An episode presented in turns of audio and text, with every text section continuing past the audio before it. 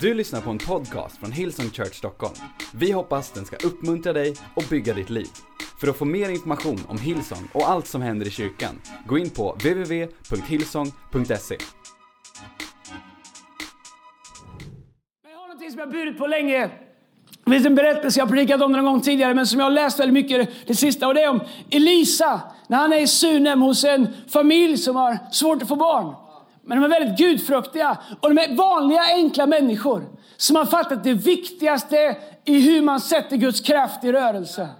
Det viktigaste om hur man ser Gud göra mirakler i sitt liv. På ett väldigt praktiskt och o, eh, liksom, spirituellt sätt. Ibland tror vi att det Gud vill att vi ska göra, att det är så oerhört liksom, eh, eh, att det är så, att det måste vara så andligt hela tiden.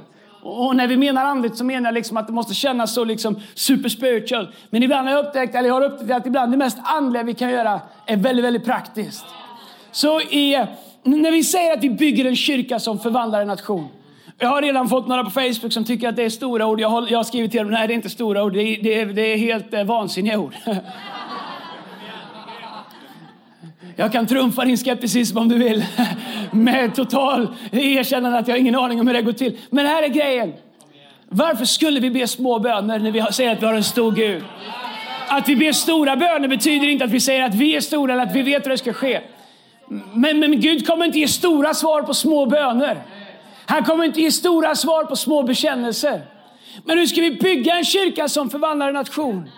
Jag är övertygad om att det enda sättet det sker är genom att vi gör rum för det Gud vill göra i våra liv. Allt Gud gör är kopplat till våra liv. Gud existerar liksom inte i något vakuum mellan våra liv. Gud existerar i våra liv. Vi är bärare av Gud. Det vill säga att vi är hans kyrka, vi är hans församling. Så när vi säger att vi bygger en kyrka som förvandlar nation så är det det vi egentligen säger att vi skapar bärare av Guds rike. Som förvandlar en nation överallt där de är. Okej, okay, andra kungaboken kapitel 4, vers 8. Så står det så här. Jag ska läsa 19, nej förlåt, inte 19 verser. Jag tappar inte hoppet här nu. 9 verser, all right? En dag kom Elisa över till Sunem. Där bodde en rik kvinna som övertalade honom att äta hos sig. Hon har en man också. Jag vet inte varför de säger att kvinnan var rik och så hade hon en man. I don't know. Där bor en rik kvinna som övertalade honom att äta hos sig. Så ofta han sedan kom förbi tog han in där och åt hos henne. Då sa hon en gång till sin man. Jag har förstått att han som ständigt kommer över hit är en helig gudsman. Låt oss mura upp ett litet rum på taket och sätta in en säng, ett bord, en stol och en ljusstake åt honom. Så att han kan ta in där när han kommer till oss. Så kom han dit en dag och tog in i rummet och la sig där. Han sa till sin tjänare Gehazi, kalla hit sunemitiskan. Då kallade han dit henne och hon infann sig där hos tjänaren. Vidare sa han till honom, säg till henne, ser du haft allt detta besvär för oss, vad kan jag nu göra för dig? Så Gud började, Gud började tala genom sin tjänare och säga, hej, vad kan vi ge tillbaka, vad kan vi göra? Uh, kan jag lägga ett ord för dig hos kungen eller befälhavaren? Men hon svarade, nej jag bor ju här mitt bland mitt folk. Då frågade han, vad kan jag väl göra för henne? Gehazi svarade, jo hon har ingen son och hennes man är gammal. Det betyder att det var ingen action kvar i familjen. Då sa han, kalla på henne. Han kallade på henne, hon stannade i dörren och Lisa sa, nästa år vid just den här tiden ska du ha en son i famnen. Hon svarade, nej min herre, du gudsman, inbilla inte din tjänarinna någonting sådant. Hon tänkte på just det faktum att det var ingen action längre. Men kvinnan blev havande och födde en son följande år, just vid den tid som Elisa hade sagt till henne. Jag tycker det är så otroligt fascinerande. Kvinnan får ett mirakel som hon inte har bett om och ett mirakel som hon inte kan förstå. Bara för att hon praktiskt hade gjort någonting i sitt liv. Vi är en kyrka som gör väldigt mycket praktiskt. Det finns ibland människor säger, faktum att jag hade en konversation med någon den här veckan sa Andreas hur länge kommer ni, hur länge ska ni hålla på liksom och bara göra och göra och göra massa saker? När ska ni börja vara kyrkan? Jag bara, vad har du rökt egentligen? Du, du har inte fattat, du har inte fattat det att, att vara efterföljare till Kristus är ju att göra hans gärningar. Jag vill bara vara, bara vara, bara vara. Ni är för unga, några av er vet det. En del är för gamla kanske, I don't know. Men, men här är grejen. Det hon gör, utan att ens förstå det, är att hon ger rum för Guds förmåga i sitt liv. Genom att praktiskt bygga ett rum. Elisa, han är profet. Profet på den här tiden innebär att han är Guds representant på jorden. Okej? Okay?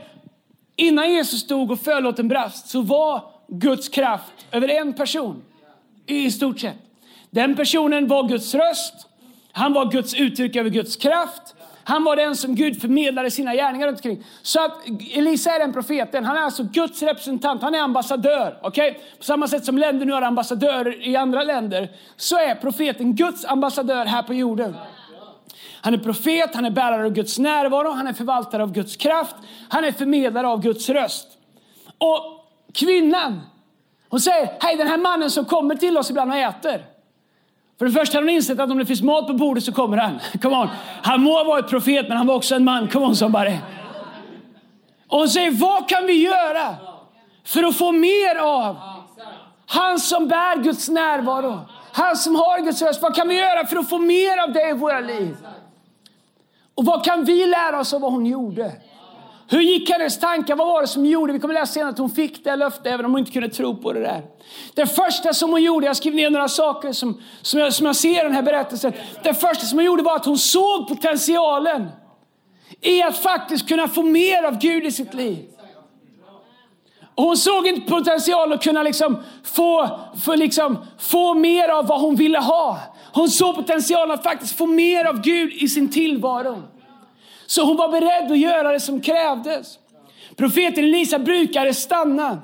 Och kvinnan säger, kanske om jag gör ett rum på taket så stannar han lite längre tycker jag det är så otroligt fascinerande. Jag är i grunden väldigt praktiskt lagd. Äh, jag, jag, jag inte all, vi, vi, har människor som gillar liksom att tänka många tankar i rad och tack gode Gud för dem. Jag gillar att gå till handling fort. Ibland får man börja om flera gånger.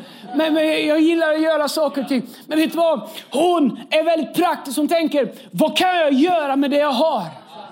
För att få mer av Gud i mitt liv. Och genast så blir hon praktiskt. Hon har inte plats i sitt hus för att hon ska kunna bo. Kom ihåg att Guds ande var inte tillgänglig för vem som helst. Så för att Guds närvaro skulle stanna i sitt hus så behövdes det fysisk plats för han som var bärare för Guds närvaro. Så hon kunde titta på, på i sitt hus och jag önskar jag hade haft ett gästrum. Jag önskar att jag hade haft en gästsäng.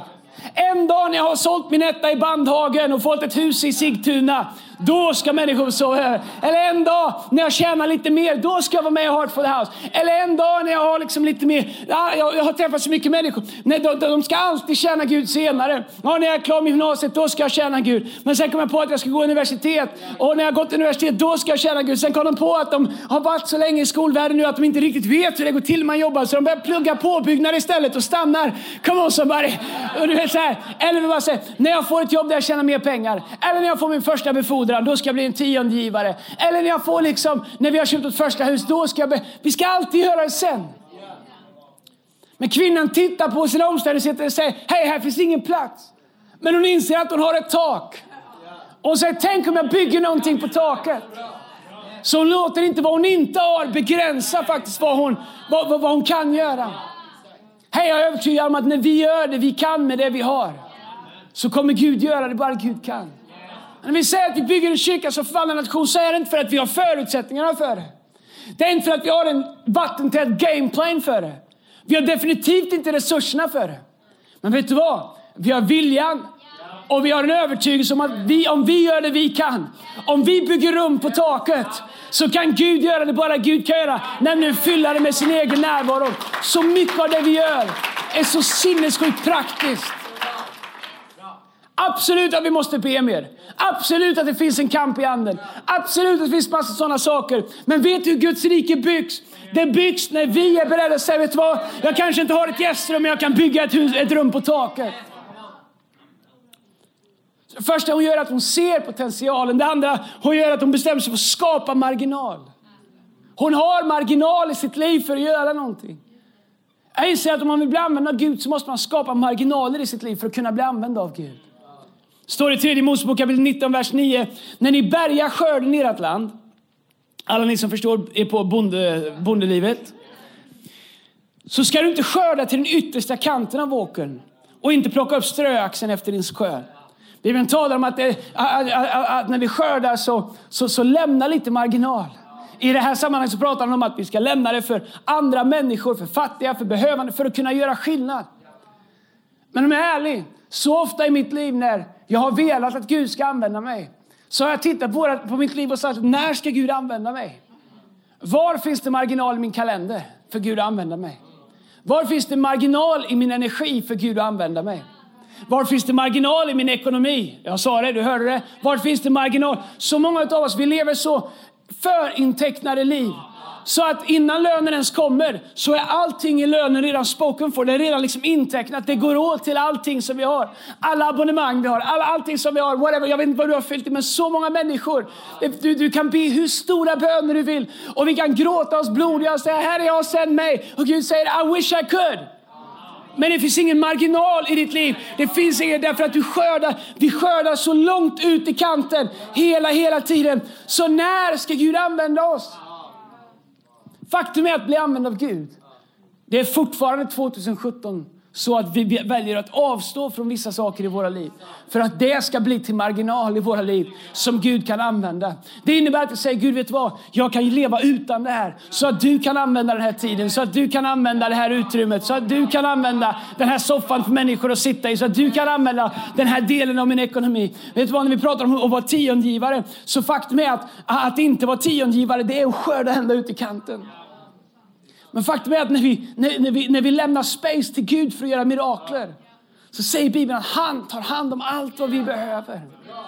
Den här kvinnan har marginal i sitt liv för att faktiskt kunna bygga ett rum på taket utan några löften. Hej, de flesta av oss vi hade sagt Elisa, låt oss sätta oss ner och förhandla här. Om jag bygger ett rum på taket, hur många nätter kommer du sova där? Hur ser den potentiella avkastningen ut? Tänker du Elisa att städning ska ingå när du har sovit klart? Eller gör vi som vi gör i våra svenska sommarstugor. Vi hänger upp en skylt på dörren hur det ska städas. Elisa, nu är det viktigt att du tänker på innan du flyttar ut härifrån. Kylen ska vara tömd, soporna ska vara ute, gardinen ska vara uppdragen, vattnet ska vara avslaget. Förstår du Elisa? Och hur, hur kan vi prata om, om jag nu gör den här investeringen för dig Elisa, what's in it for me? Men hon gör inte det. Hon har marginal att bygga det här och hon har inte ens pratat med Elisa om det. Nej, vad behöver du göra? För att skapa marginaler i ditt liv för att bli använd av Gud. Det behöver inte vara mycket, men någonting. Jag vill verkligen utmana oss att skapa marginaler emotionellt. Att, att, ha en, att ha emotionell energi, att faktiskt orka bry sig om andra människor. I våra kalendrar, tidsmässigt, ekonomiskt, i vår människosyn. Att ha marginal i hur vi ser på människor, att inte vara dömande. Att inte skörda hela vägen ut i kanten. Att det finns någonting kvar för andra människor.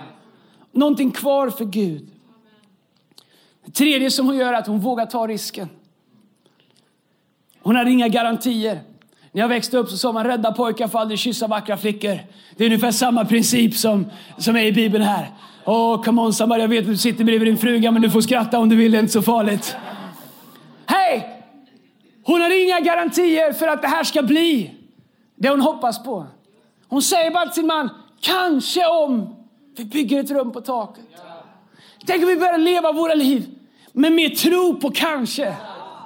Inte kanske att Gud är med oss, men kanske att Gud skulle kunna använda oss. Det är så vi har byggt hela vår kyrka. Hej, om vi hyr hovet. Alla tycker att det är naturligt att vi, att vi är på hovet nu. Men jag ska vet, du ska veta hur den här julföreställningen är byggd. Den börjar med den mest deprimerande julsamlingen som någonsin har haft. Den var så deprimerande så jag, jag lovar att de tre vise männen uppe i himlen, de vände sig. De bara ångrar att de ens någonsin kom och var med på det här. Och så sjukt deprimerande. Vi satt i Elimkyrkan, gamla Elimkyrkan som är Zlatans bostad just nu. Vi har invigt den ordentligt åt honom, så ni undrar var hans success kommer ifrån. Säger att vi har haft möte här. Vi satt där. Jag skötte ljudet och skulle ha någon form av andakt äh, där. Erik satt och sjöng där äh, någon gammal Peter Jöbäck-låt. liksom. Snön ligger vit på taken. Det enda alla ville var att inte vara där. Alla hade åkt hem, det var inga kvar. Det fanns inget där att göra. Så sjukt deprimerande. Så fort vi hade sagt amen så försvann alla som en avlöning. Och vi tänkte antingen ställer vi in julen för all framtid i vår kyrka. Det är rätt svårt att runda julen som kristen församling. Det är liksom jul och påsk är svår att förhandla sig ur. Eller så gör vi någonting med det. Kommer ihåg när vi skulle vara eh, i, när vi skulle vara i Annexet första gången. Det kändes så sinnessjukt stort. Jag tänkte hur, hur många röda stolar har de här egentligen? Det finns ingenting när man predikar som skriker så mycket åt dig som en tom stol. Jag hatar tomma stolar. Här är två stycken där framme. En av dem har jag suttit in, en är Linas. Jag hatar tomma stolar. Jag har aldrig sett en tom stol bli frälst. Jag har aldrig sett en tom stol vara med och göra någonting. Jag har aldrig sett en tom stol förändra världen. Jag har aldrig sett en tom stol hjälpa dig att predika. Jag har aldrig sett en tom stol vara med och ge.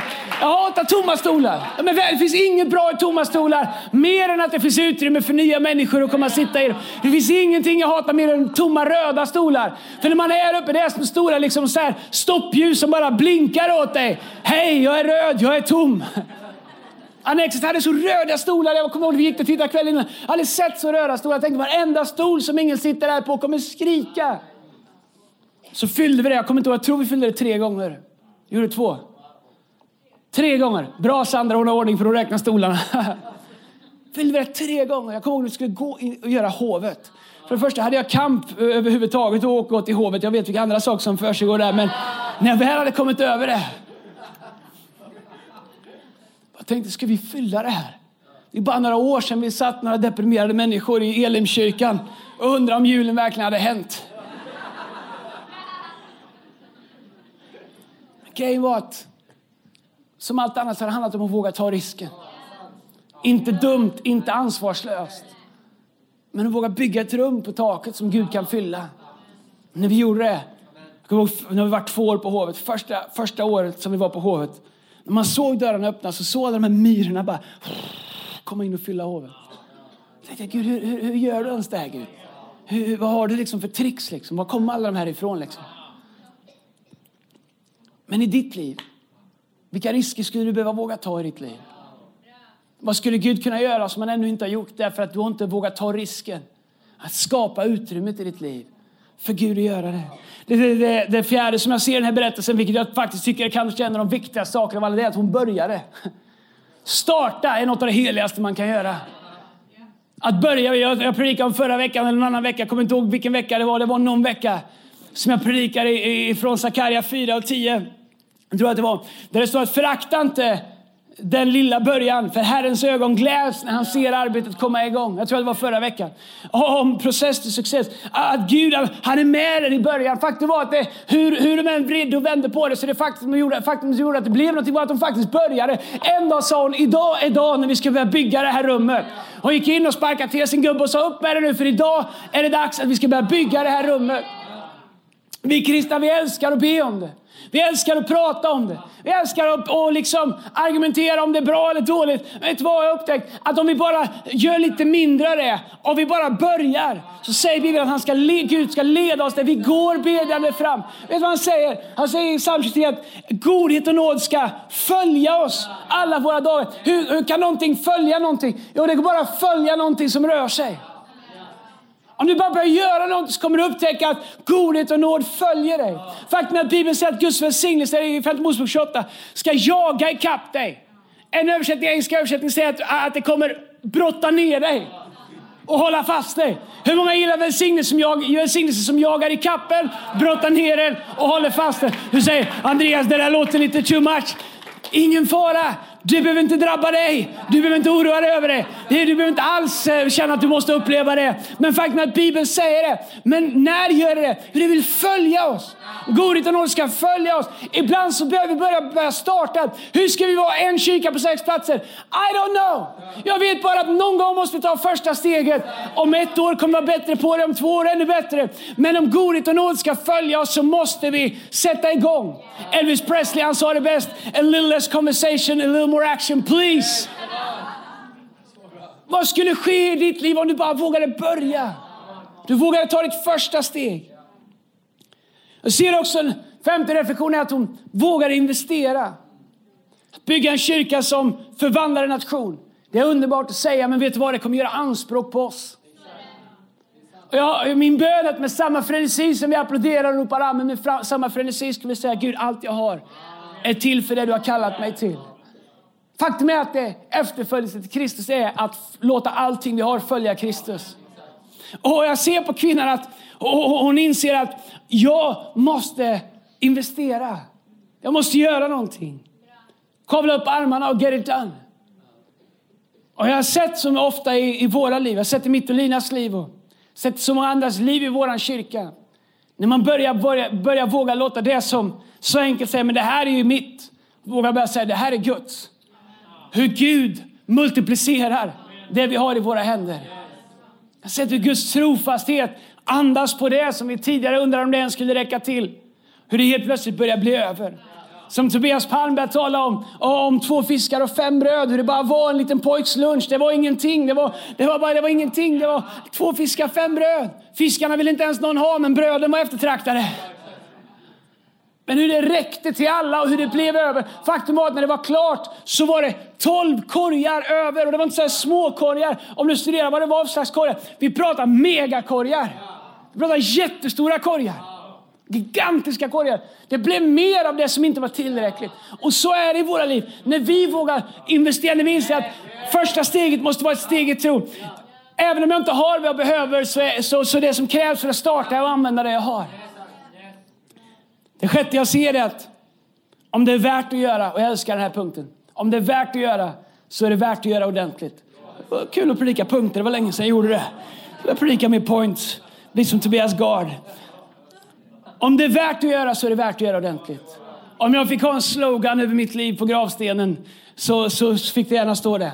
Om det var värt att göra så gjorde han det ordentligt. Det finns ingenting som gör mig mer irriterad än saker som är värda att göra som inte görs ordentligt. Om vi tittar i Guds natur, om vi tittar i Guds, hur, hur Gud är i, han, i sin personlighet, sin natur, så gör han allting, allt som är värt att göra, gör han ordentligt. Han skapade människan inte bara så, utav det som blev utan han skapade den som en avbild av sig själv. När världen skulle frälsas så sände han inte en ängel, han sände sin egen son. Amen. När han skulle dela Röda havet så gjorde han inte bara simsalabim, han blåste i sin, egen nä, i sin ena näsborre. Han gjorde, han, gjorde liksom, han gjorde ordentligt. Vem vill inte dela Röda havet genom näsborre? En, en riktig gammal bonnasnytning. Har du gjort det någon gång? Gud, hej, när, när jag började spela hockey, det var fruktansvärt, jag har sagt det någon gång innan och vi klipper bort det från podcasten. När jag, när jag började spela hockey, då fick man ha galler på sig. Och då var det, jag kom upp man var 13-14 år och, då när man skulle snyta sig så såg man på de stora grabbarna hur de höll ena fingret på näsborren och så blåste de ut genom andra. Det var bara det att de hade inget galler. Och ett man hade spelat hockey en stund. När jag var 14 år då lurade de mig att jag skulle börja snusa. Man hade tryckt in den stora röda lacket på ena sidan. Och så, så hade man blåst ett par loskor på andra sidan. Och sen fick man en tackling så allting bara sprutade ut. Och man såg inte ens det gallret man åkte runt med klubban där. Men faktum är att det är exakt det Gud gör, minus röda lacket. Det är det som Gud gör. Han blåser i sin egen näsborre och Röda havet delar sig. Why? Because he can. När du ser hur Jesus är. När han kommer tillbaka till lärjungarna i Johannes kapitel 20. När de har låst in så är rädda och Thomas tvivlaren finns där. Så rundar han allihopa och går rakt fram till Thomas tvivlaren därför att han vet att han är den som behöver honom mest. Och så säger han till Thomas, här är mina händer, känn. Här är min sida, se. Allt som Gud gör, gör han med excellens.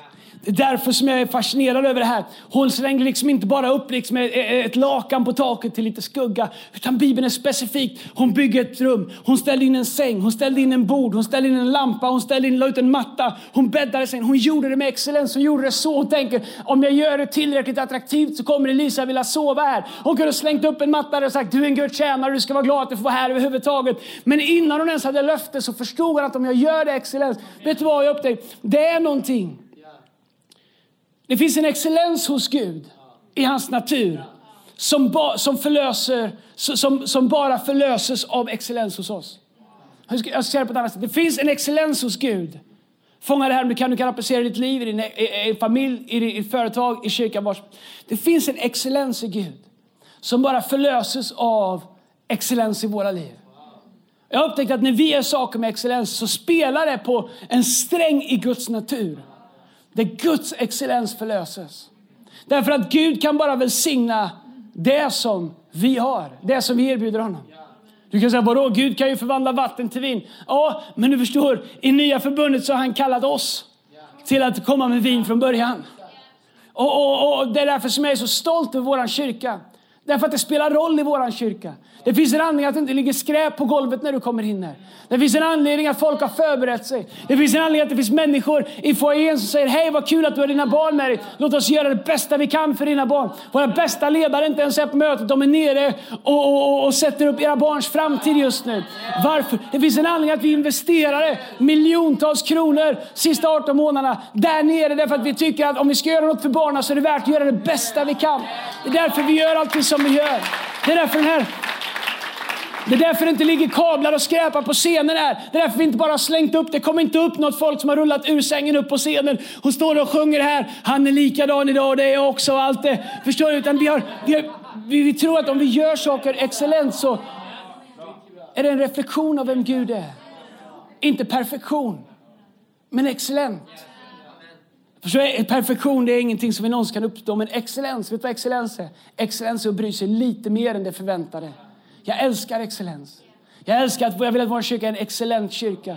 Jag vill att vi ska leva excellenta liv. Det innebär inte perfektion.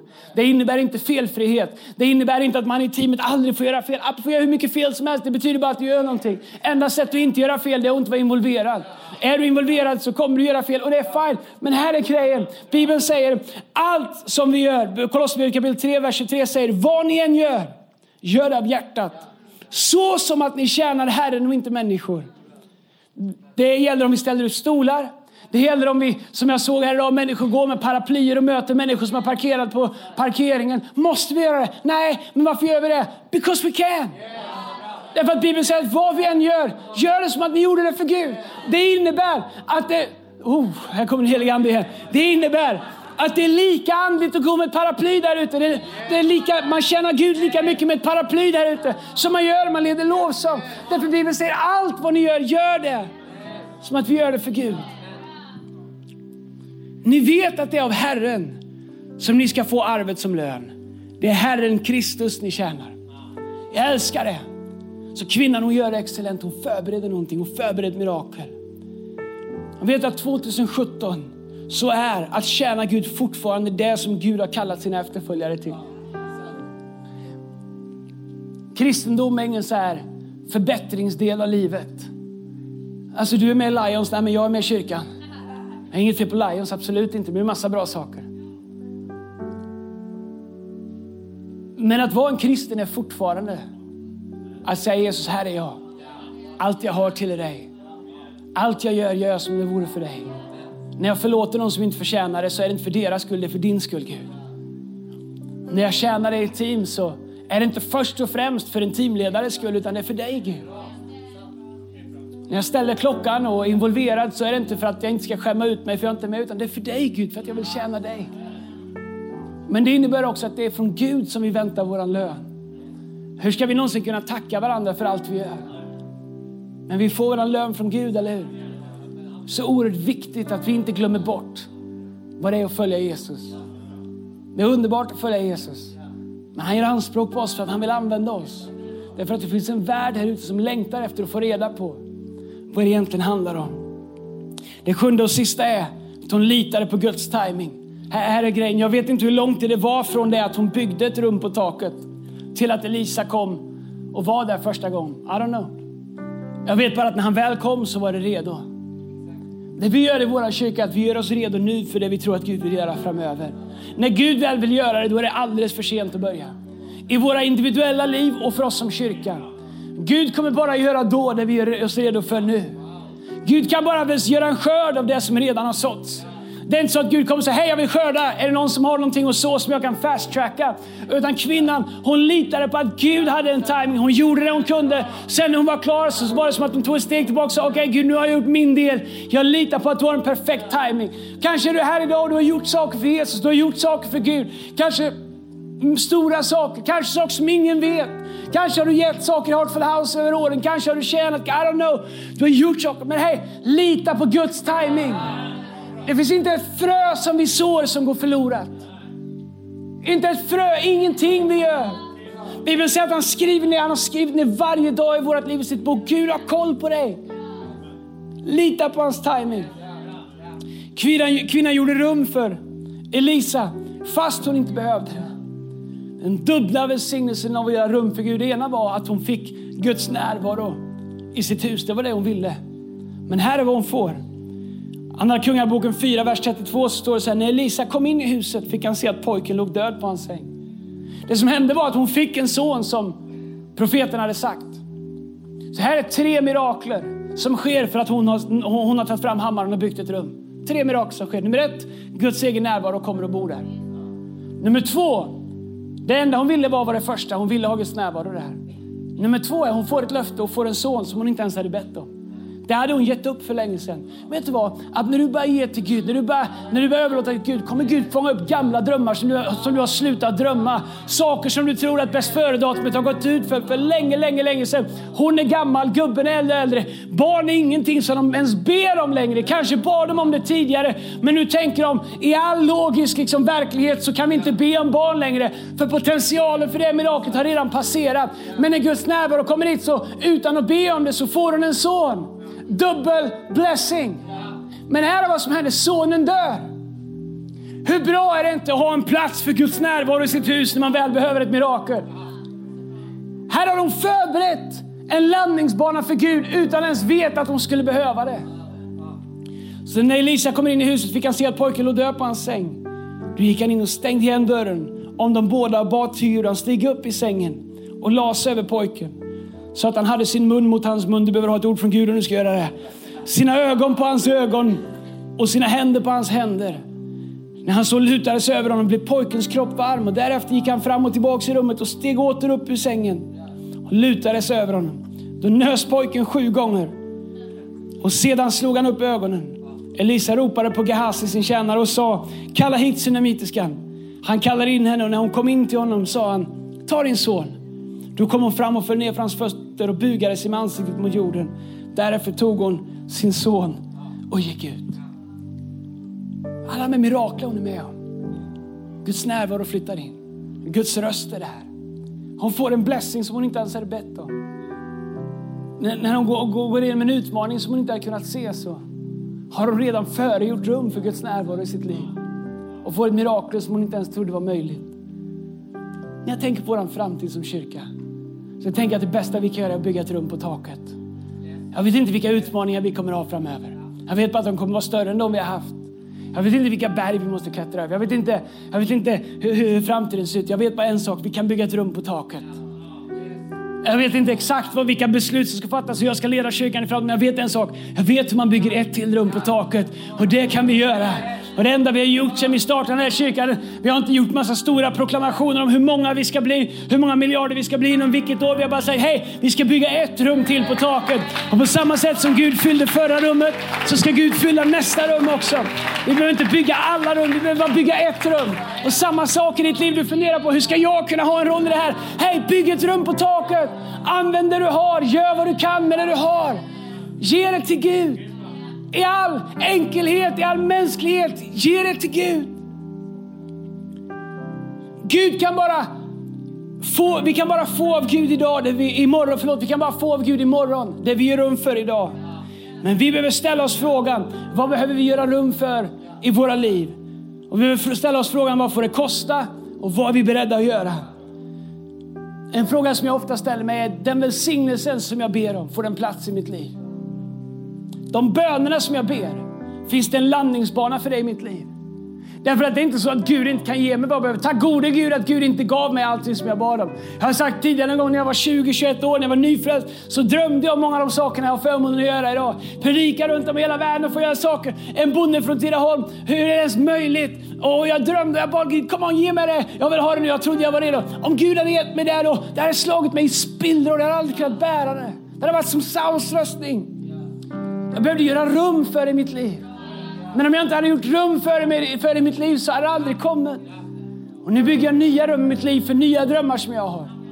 Vad bygger du för rum i ditt liv för de drömmar och den kallelse som du har i ditt liv? Hej, Gud behöver dig. Gud behöver ett rum till. Gud behöver ditt rum. Gud behöver få använda dig.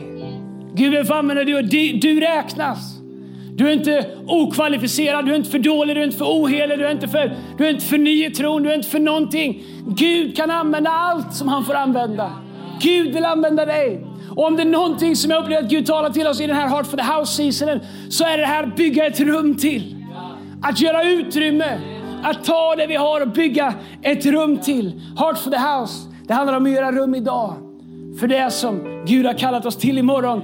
Det finns en bön i, i, i krönikeboken, eh, första krönikeboken 4.10 som Jabes bad. Det står att Jabes ropade till Israels Gud. Han sa, o att du ville välsigna mig och utvidga mitt område och låta din hand vara med mig. O att du ville göra att jag slipper olycka och smärta. Och Gud lät det ske som han bad om.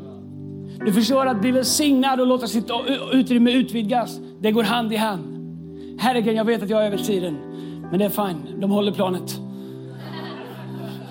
Säkert. På tal om grandios självbild. Här har vi upptäckt. Det känns ibland när Gud utvidgar våra områden. Att be att Gud ska välsigna oss, det är en bön som man måste tänka på att man ber. Därför att det Gud gör, det är att han börjar stretcha oss. Han börjar stretcha oss. På samma sätt som Maria bar Jesus barnet i sin mage, börjar stretcha allt liv som föds kommer genom expansion. Genom att det som en gång var en storlek nu ska töjas ut till någonting större. Att bli välsignad är att bli gravid. Att, bli, att bära någonting som expanderar på insidan. Som skapar en tension, som skapar en stretch, som skapar. Till och med så är det så att i våra liv så kan vi till och med finnas välsignelser i mitt liv som har kommit genom sån stretch så att det finns fortfarande märken kvar i mitt liv från stretchen. Men det är ett vittnesbörd om det som smärtan gav och födde i våra liv. Hej, om du vill ha Guds välsignelse så måste du låta Gud få stretcha dig. Du måste våga låta Gud få utmana dig.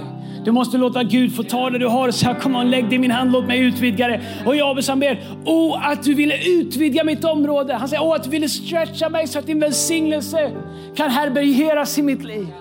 Kom on, ska vi stå upp tillsammans? Allihopa av oss, låtsaslivet kan komma fram. Jag älskar att få predika söndag förmiddagar.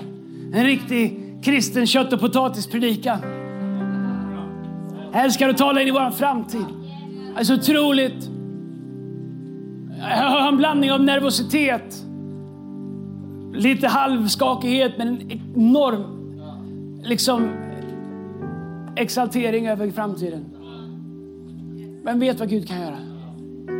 Vem vet vad Gud skulle kunna göra med en grupp människor som oss? Vem vet vad Gud skulle kunna göra med vanliga människor som är tillräckligt korkade och tror att det han säger faktiskt är möjligt? Tänk om de skulle säga det. Vilka var de där Hillsong? Det var de som var så dumma att de trodde att Gud kunde göra det han sa. Och därför så fick de det Gud hade sagt. Tänk om det är det vi gör. Att vi är så naiva. Är det det Gud menar när han säger att om du inte blir som ett barn, Jesus, om du inte blir som ett barn så kan du aldrig komma till mig. Mina barn de litar blint på mig. Mina barn tror fortfarande att jag är starkast i världen. Selina börjar inse att det finns andra. Men Angelina kan lura något år till. De tror fortfarande att jag kan fixa allt i hela världen. De tror att, de tror att jag är en superpower i världen. Naiv barnslig tro. Jag så vill jag att min tro till Gud ska vara. När vi säger att Gud kallar oss till bygga kyrka som förvandlar nation så kan jag på ett vuxet sätt argumentera för varför det är omöjligt. Men jag vill välja en barnaskapets ande. En barnslig tro. Jag säger Gud om du säger att du kan det så kan du det. Men vet du, jag har samma tro för ditt liv. Jag har samma tro för att Gud kan göra med dig. Och när jag säger att vi bygger en kyrka så är det egentligen dig jag pratar om. Jag pratar inte om byggnader först och främst. Jag pratar inte om loggor. Jag pratar inte om organisationsnivå. Därför att det är du och jag som är kyrkan. Och det är bara när Gud får bygga våra liv som en nation kan bli förvandlad i Jesu namn. Kom, vi ska sjunga en lovsång. Jag vill be en bön. Jag behöver inte räcka upp en hand, men jag vill be en bön för dig du som är här idag. Du säger, vet du vad? Den här predikan talar till mig. Den här predikan kallar mig, utmanar mig till att börja se på vad jag har och börja använda det jag har. Kom on, be med mig i den här bönen. Låt det bli en överlåtelsebön. Där du gick ut tillåtelse och började stretcha dig. Där du gick ut tillåtelse och började ta av det du har. Där du börjar ge Gud access till alla delar av ditt liv. Kom on, om du har ett bönespråk, använd använder ditt bönespråk. Det här är inte liksom en, alltid en logisk bön som vi ber. Det här är en djup bön från vårt inre. Därför att vi vet inte alltid vad Gud vill. Men när vi ber säger Gud, här är jag. Använd mig. Allt vad jag har Gud är till för dig. Allt vad jag har får du använda. Fader i Jesu namn. här är jag ber att du skulle låta oss få vara med och se det inget öga har sett, inget öra har hört. Det våra hjärtan inte kan förstå, Herre Jesus. Herre, jag ber att du här idag, Herre, skulle ta människors liv på det sätt som bara du kan. Herre, expandera det.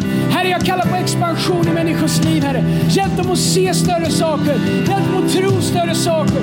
Hjälp dem att få en uppenbarelse över hur du kan använda dem, Jesus. Herre, hur du kan ta det vi har i våra händer och göra något stort, Herre. Herre, hjälp oss att bygga nya rum på våra tak, Herre. Herre, hjälp oss att göra rum för det du vill göra i våra liv, i våran kyrka. Herre, jag kallar på en framtid som är mer än vi har kunnat ana om, Herre. Herre, jag ber, Herre, lyft våran blick, Herre. Lyft våran tro. Herre, hjälp oss att se större, se längre. Herre, i Jesu Kristi Nazarets namn vi ber. Kom on, vi sjunger tillsammans.